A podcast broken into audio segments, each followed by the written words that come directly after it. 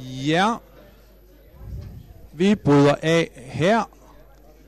Och nu är det så Torbjörn Johansson som vill hålla upplägg om Bonhoeffer och tågregementeläran, Bonhoeffers utveckling i synet på øvrigheden. Varsågod. Tack. Ja, men först en, eh, ett hjärtligt tack för inbjudan att komma hit. Eh, det är en stor glädje både för ämnet som intresserar mig väldigt mycket, men också att få komma till MF som jag har följt i 20 års tid, mer eller mindre, och som har varit till stor inspiration för oss på menighetsfakulteten i Göteborg. Så tack för inbjudan. Den fråga som vi nu ska se på är alltså vad Dietrich Bonhoeffer kan lära oss om denna dags tema. Med Dietrich Bonhoeffer mot en förnyad tvårikeslära. Och jag tänkte börja med något som kanske är helt onödigt i det här sammanhanget, men jag tänkte ändå ställa frågan varför Dietrich Bonhoeffer? Det finns många teologer, tänkare vi kan inspireras av och lära av, men jag skulle ändå vilja motivera Bonhoeffer i det här sammanhanget. För det första så levde ju Bonhoeffer i en historisk epok då dessa frågor om kyrka, stat ställdes på sin yttersta spets. Och därför kan vi säga att den nazivänliga Deutsche Christen och protesten Bekennende Kirche står som paradigmatiska exempel som vi kan lära mycket av att studera. Det spelar roll hur kyrkan förhåller sig till politik och samhälle. Den andra motiveringen eh, som kommer ur denna är att för Bonhoeffer och hans samtida var detta djupt existentiella frågor. Det var inte akademiska eh, överkursfrågor utan det var bokstavligt talat en fråga om liv och död. Det var en fråga för många kristna eh, samvittighetsspörsmål. Ska jag lyda när staten säger detta? Ska jag lyda när staten säger detta? Och därför finns det i den här tiden i debatten en nerv som gör dem värda att, eh, att återvända till. Den tredje motiveringen, Bonhoeffer bearbetar en luthersk tradition och teologi. Dietrich Bonhoeffer är bewusst lutherisch och samtidigt i opposition mot en lutherdom. Och för oss som vill anknyta till eh, arvet från reformationen gör detta Bonhoeffer till en extra intressant teolog.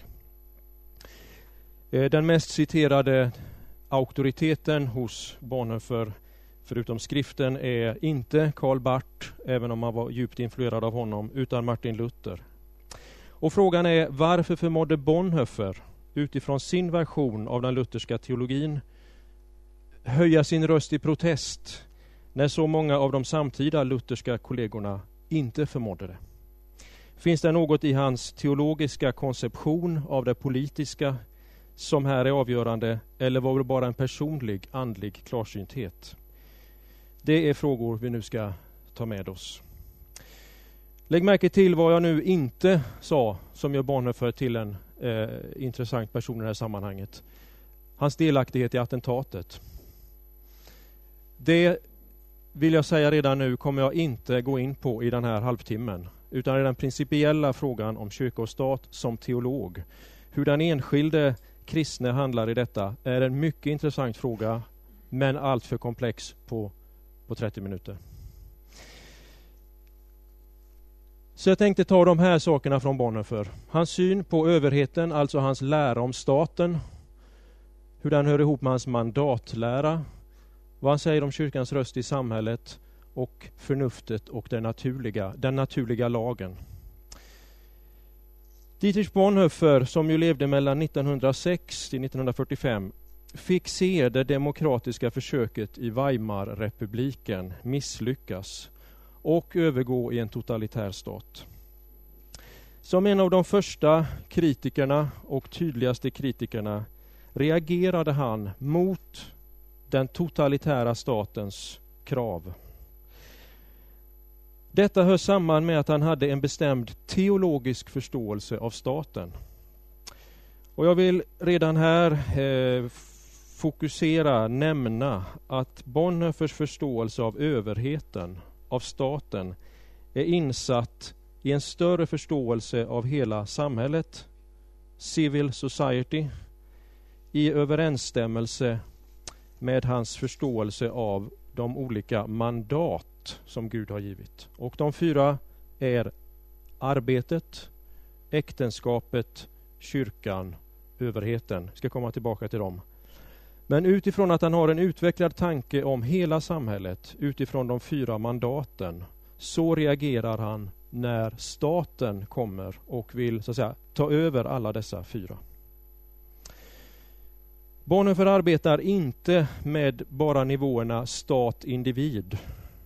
Och det är viktigt, för läser vi honom utifrån vår eh, moderna så kallade statsindividualism, där vi räknar primärt med stat-individ, missförstår vi honom.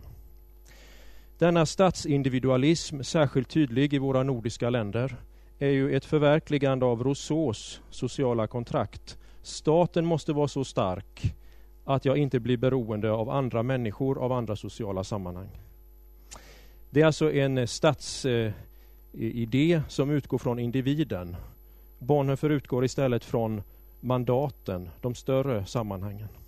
Och han kritiserar uttryckligen det här att man utgår från individen och ser rötterna i det från franska revolutionen. Överheten då. När det gäller förhållandet mellan politik och religion så har, som vi redan hört idag, särskilt den lutherska teologin fått stark kritik utifrån vad som hände i Nazityskland.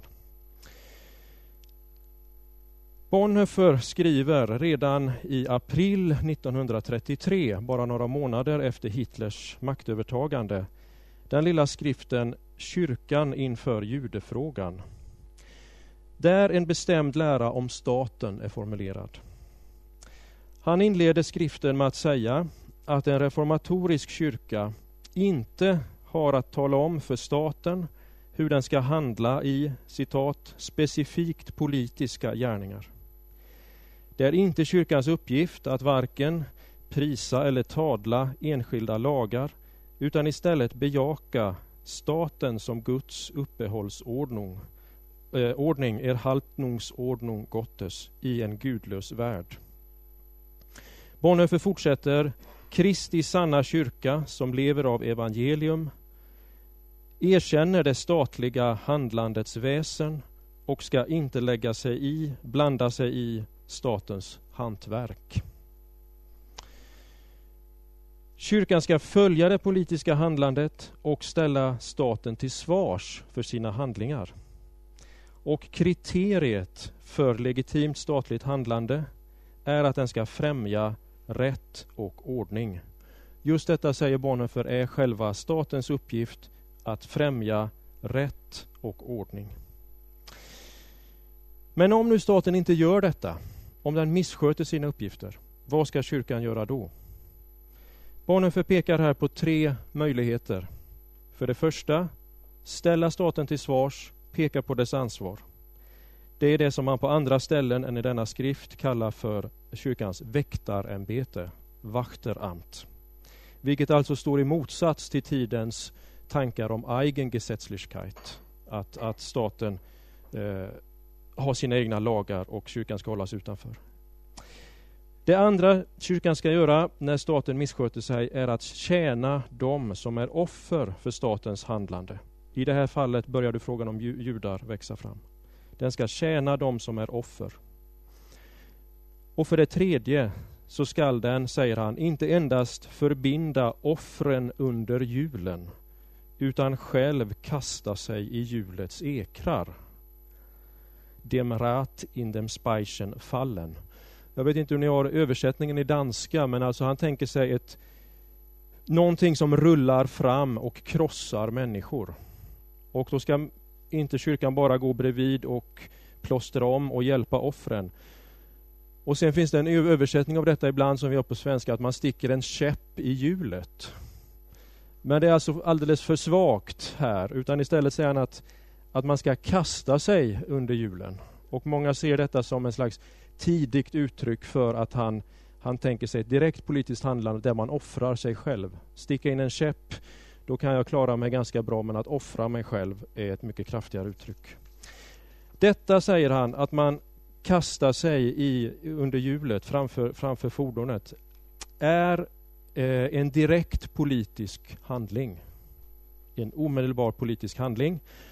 Och när man kan tillgripa en sådan, säger Bonhoeffer, kan inte i förväg konstrueras kausalt. Alltså man kan inte ställa upp kasus. Om den gör så, så gör vi så. Om den gör så, så gör vi så.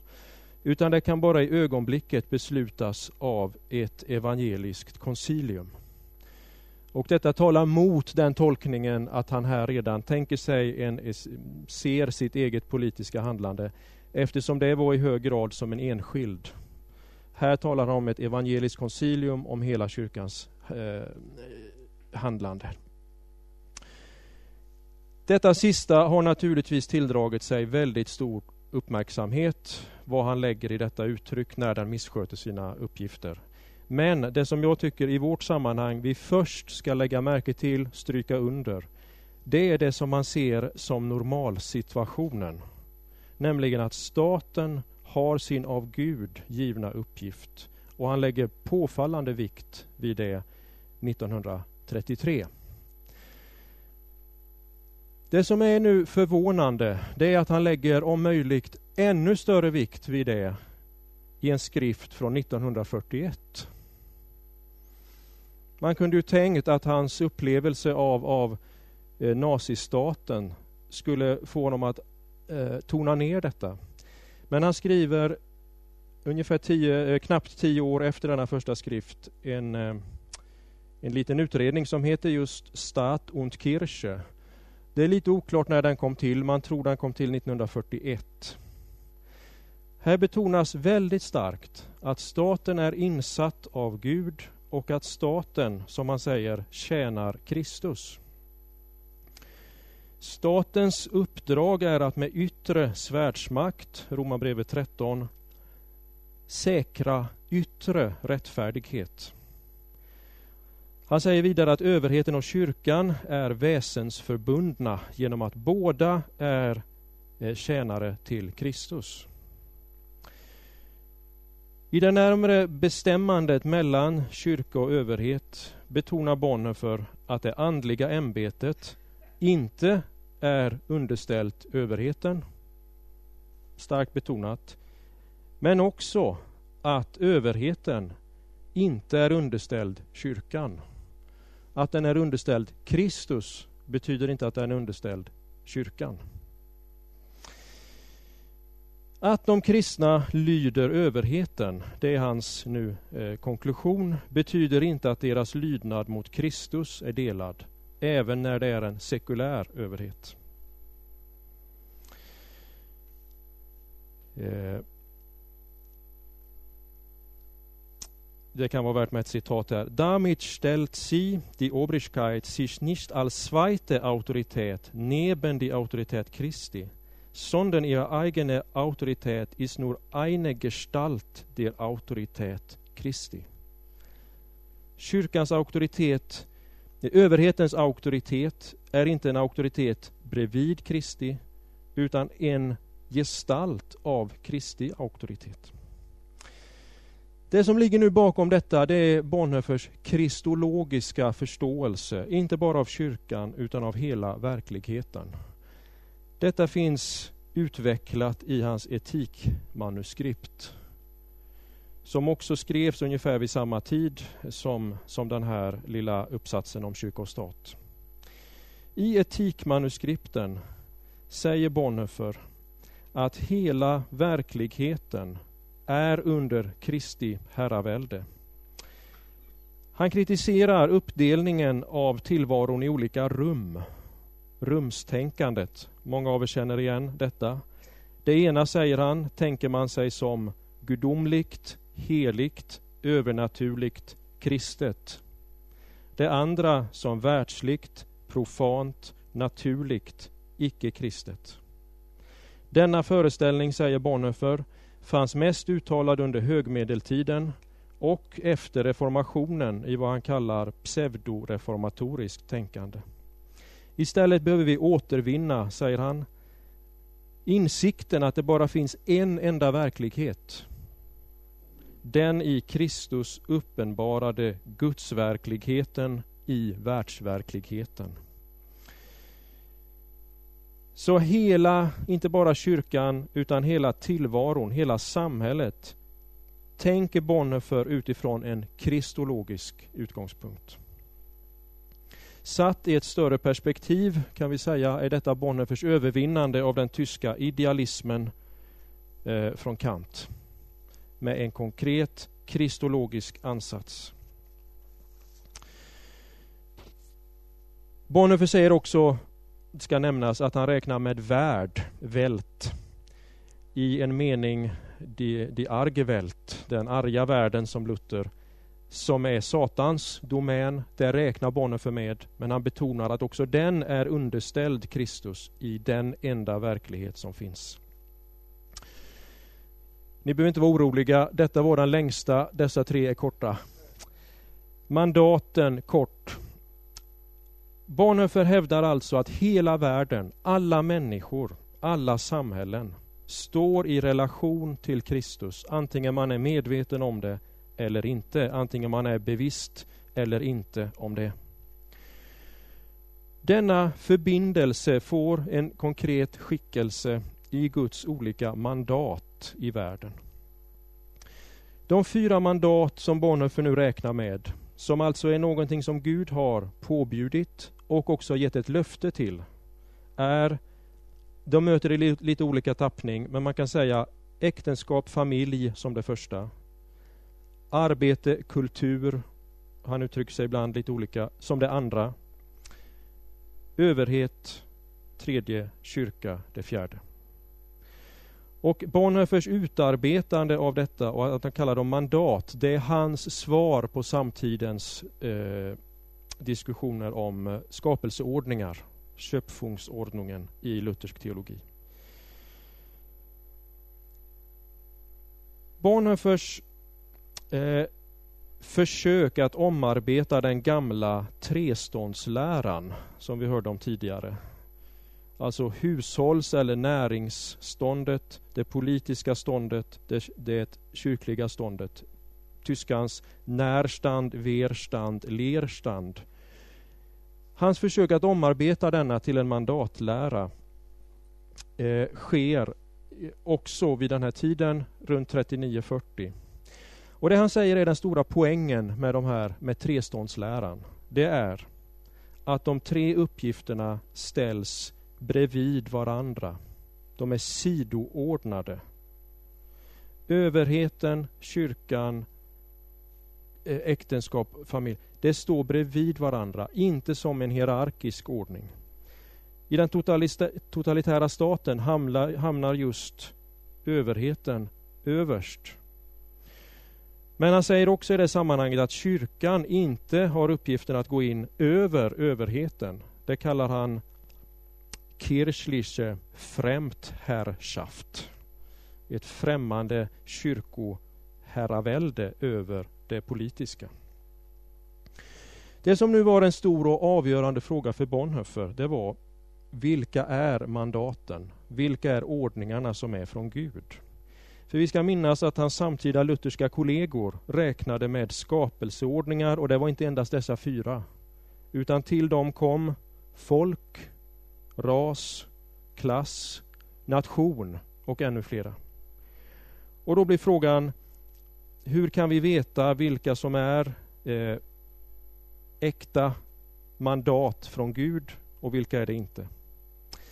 Och I detta sammanhanget finns en liten eh, lapp som man fann på Bonhoeffers skrivbord. Eh, där han blev arresterad i sitt hem av Gestapo och sen kom han, blev han aldrig fri. Där låg en lapp där det står Varför dessa fyra mandat? Varför inte folk, klass, nation? Så detta var en trängande fråga och hans svar, som också finns i etikmanuskripten, är genom att han hänvisar till skriften. Han hänvisar till Bibeln. Han säger att skriften räknar med dessa fyra. Det vill säga, här har vi en väldigt explicit uppenbarelseansats gentemot naturlig teologi. Man kan formulera det så att Bonhoeffers uppenbarelseansats gör att hans teologi får en potential till kritik mot en teologi som utgår från det historiskt givna från historiskt bestämda ideologier.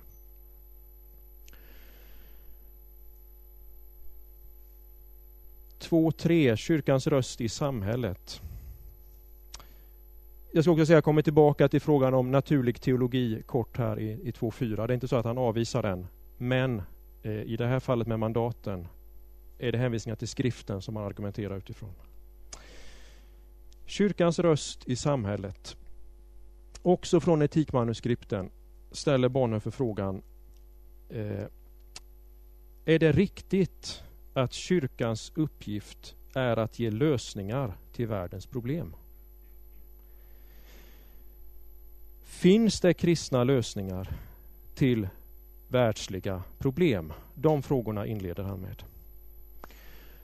Och man kan säga att hans svar sammanfattningsvis är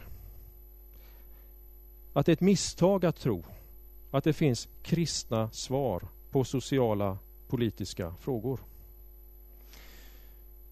Han argumenterar här bland annat utifrån Matteus 22.15, Lukas 12.13 hänvisar han till och säger att Jesus inte eh, befattade sig primärt med att lösa världsliga problem.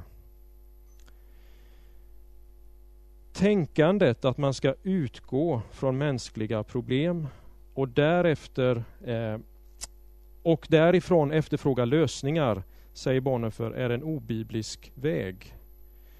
Kristi väg går istället från Gud till världen, ovanifrån och ner. Evangeliet har inte till sitt väsen att lösa världens problem och det är inte kyrkans väsensuppgift. Kyrkans legitima uppgift, det som bestämmer hennes väsen, är att förkunna Guds ord till frälsning. Das Wort der Kirche an die Welt kann kein anderes sein als das Wort Gottes an die Welt. Dieses heißt Jesus Christus und das Heil in diesem Namen. Så när kyrkan träder fram ska den träda fram som en Kristusförkunnare som förkunnar frälsning i hans namn. Men när han har sagt detta, då säger han att under dessa kristologiska förutsättningar har kyrkan också något att säga om jordiska förhållanden. För kyrkan, säger han, gäller ett dubbelt förhållningssätt. En när kyrkans röst ljuder i samhället så måste man skilja på två saker. Det ena är när den talar utifrån Guds ords auktoritet.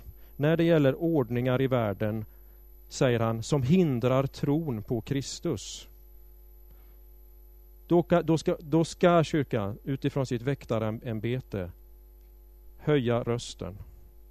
Å andra sidan kan den också tala till samhället och ge konstruktiva bidrag i sakfrågor, i frågan om politiska, sociala missförhållanden, utifrån kristna mäns fackkunskap.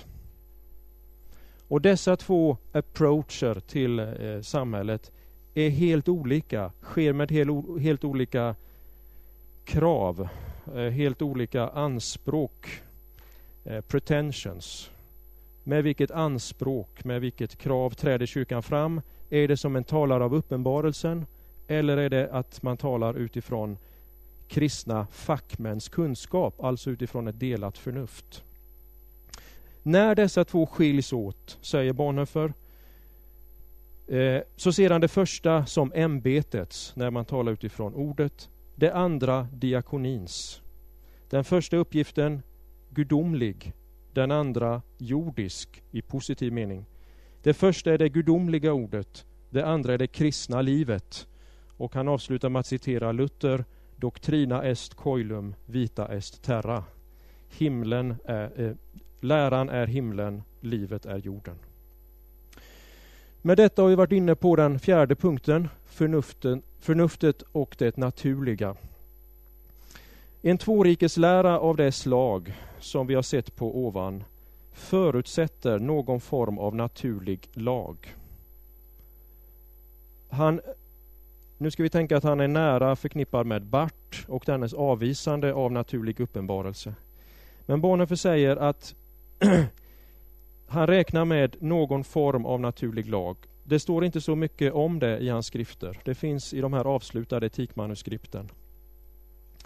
Men han inför där begreppet det naturliga, das Natürliche.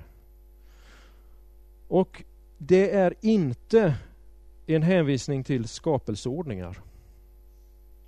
Utan han definierar det naturliga så. Det som efter fallet sträcker sig mot Kristi tillkommelse.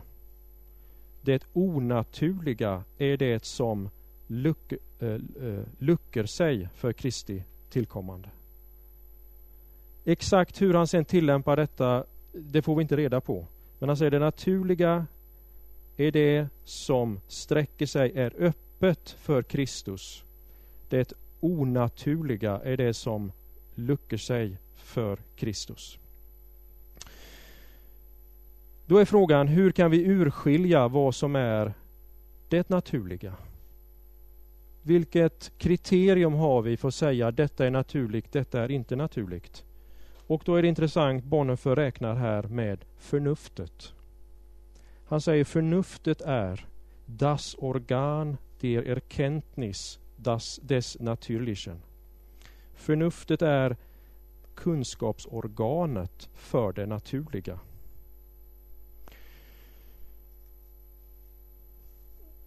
Med detta skulle jag vilja kort sätta in detta i, en, i, i den aktuella debatten. Den pluralism som nu präglar de västerländska demokratierna gäller inte bara olika religiösa ståndpunkter utan i minst lika hög grad olika former av liberalism.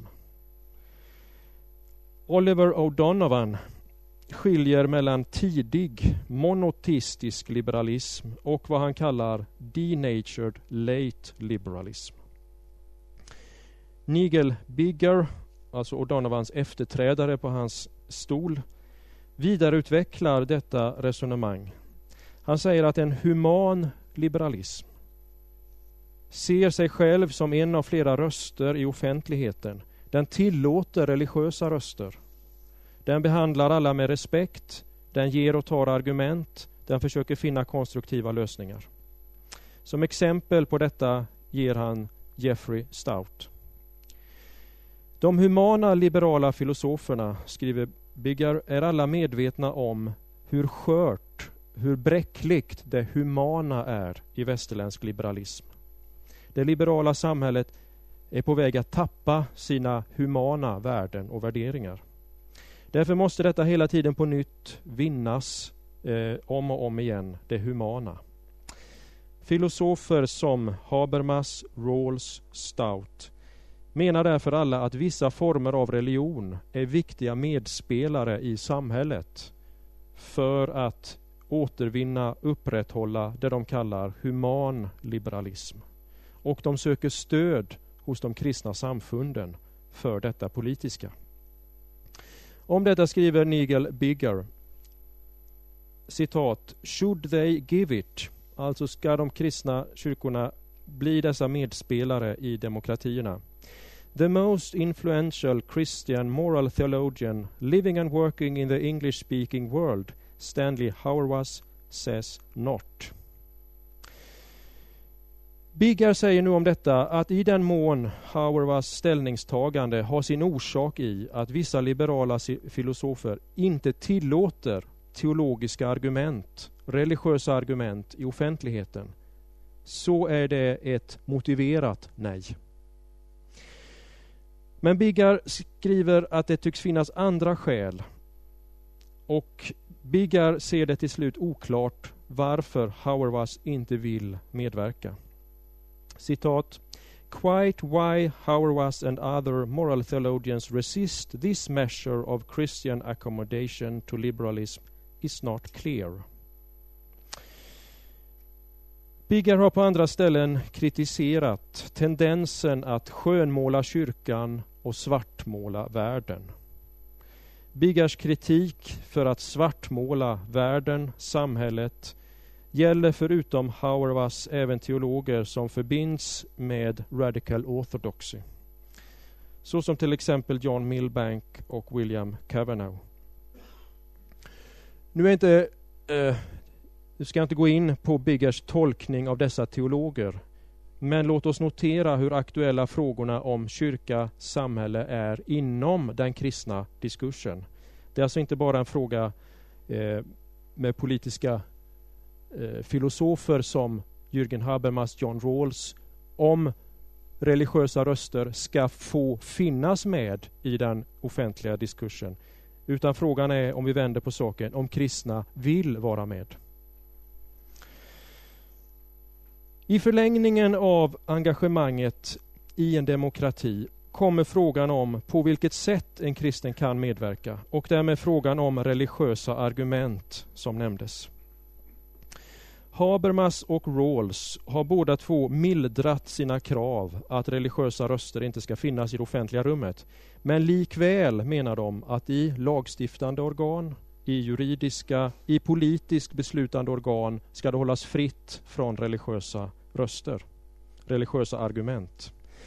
Om kristna vill medverka måste de översätta sina argument till vad de kallar common reason, något som kan delas av alla utifrån förnuftsskäl. Sätter vi detta nu i relation till vår Bonhoeffer-läsning så står detta, ska vi kalla icke-religiösa a priori i slående kontrast till Bonhoeffers kristologiska verklighetsförståelse. Uppfattningen att inte kristna argument ska få föras fram i vissa eh, rum för tankarna till Bonhoeffers beskrivning av hur världen luckar sig för Kristus. Det han kallar det onaturliga. Det är i ljuset av denna nutida debatt viktigt att framhålla att Bonhoeffer räknar med förnuftet som organet. Han räknar med en naturlig lag och förnuftet som en möjlighet att kommunicera, urskilja das Natürliche. Samtidigt som man menar att religiösa argument måste få finnas. Detta har ibland uttryckts i nutida debatt att de kristna och religiösa får tala tvåspråkigt i offentligheten. Bilinguality. Dels att man får framföra religiöst motiverade argument men också att man måste försöka översätta det till ett eh, för alla gemensamt förnuft. Man kan argumentera utifrån att människan är skapad till Guds avbild. Men också att utifrån anknyta till det allmänna, synen på människans värdighet, höghet, det speciella. Ja, så långt har jag försökt visa hur den tvårikeslära enligt Bonhoeffer stryker under en grundläggande positiv inställning till staten och en kristens ansvar att som medborgare söka statens bästa. Men till sist, frågan som särskilt är aktuell idag. Ska kyrkan vara en politisk aktör? Ska kyrkan vara ett politiskt subjekt?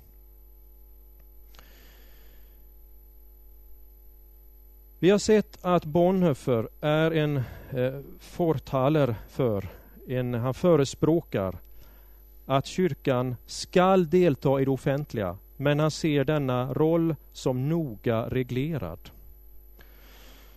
Nämligen vilka anspråk, vilka pretensions, vilka krav träder kyrkan fram med? Bonhoeffers tid, om någon tid i kyrkohistorien, påminner oss om risken att kyrkan blir politiskt utnyttjad. Nationalsocialismen var ju inte religiöst neutral. Utan nationalsocialismen hade kraftigt religiöst stöd i form av Deutsche Christen. Man ville befästa sin politik med gudomlig auktoritet och genom Deutsche Christen uttalade sig kyrkan om mängder av direkt politiska frågor. Det är ett exempel på hur kyrkan blir politiskt utnyttjad när den vill vara tillvänd. Men i Bonhoeffers tankar fann vi istället ett grundmönster. Det första är att kyrkan ska tala evangelium om Jesus Kristus. När den träder fram ska den inte träda fram så folk tänker nu kommer något politiskt, utan nu kommer något om Kristus, världens Herre. Det är kyrkans egentliga väsen. Hon ska också protestera mot missförhållanden, ett, ett väkteramt utifrån uppenbarelsen. Hon kan medverka i lösningar av samhällsproblem, politiska, sociala, inte med uppenbarelseanspråk, utan från kompetens, från ett förnuft som delas av alla. Detta är en del av kyrkans diakonala ansvar. Och jag skulle vilja till sist formulera några teser utifrån detta som fångar upp det och som kan vara något att ta tag i i diskussionen. Jag har de här upp, utskrivna så jag kommer dela ut dem också alldeles strax. Men jag avslutar med dessa fem. För det första, en förnyad reflektion över de två rikena enligt de linjer vi finner hos Bonhoeffer hjälper kyrkan att bli fokuserad på evangeliet.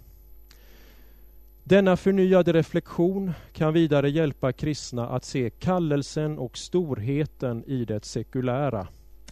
Detta hade jag gärna velat utveckla. Eh, Bonhoeffer talar ju om kristendomens djupa denna-sidighet.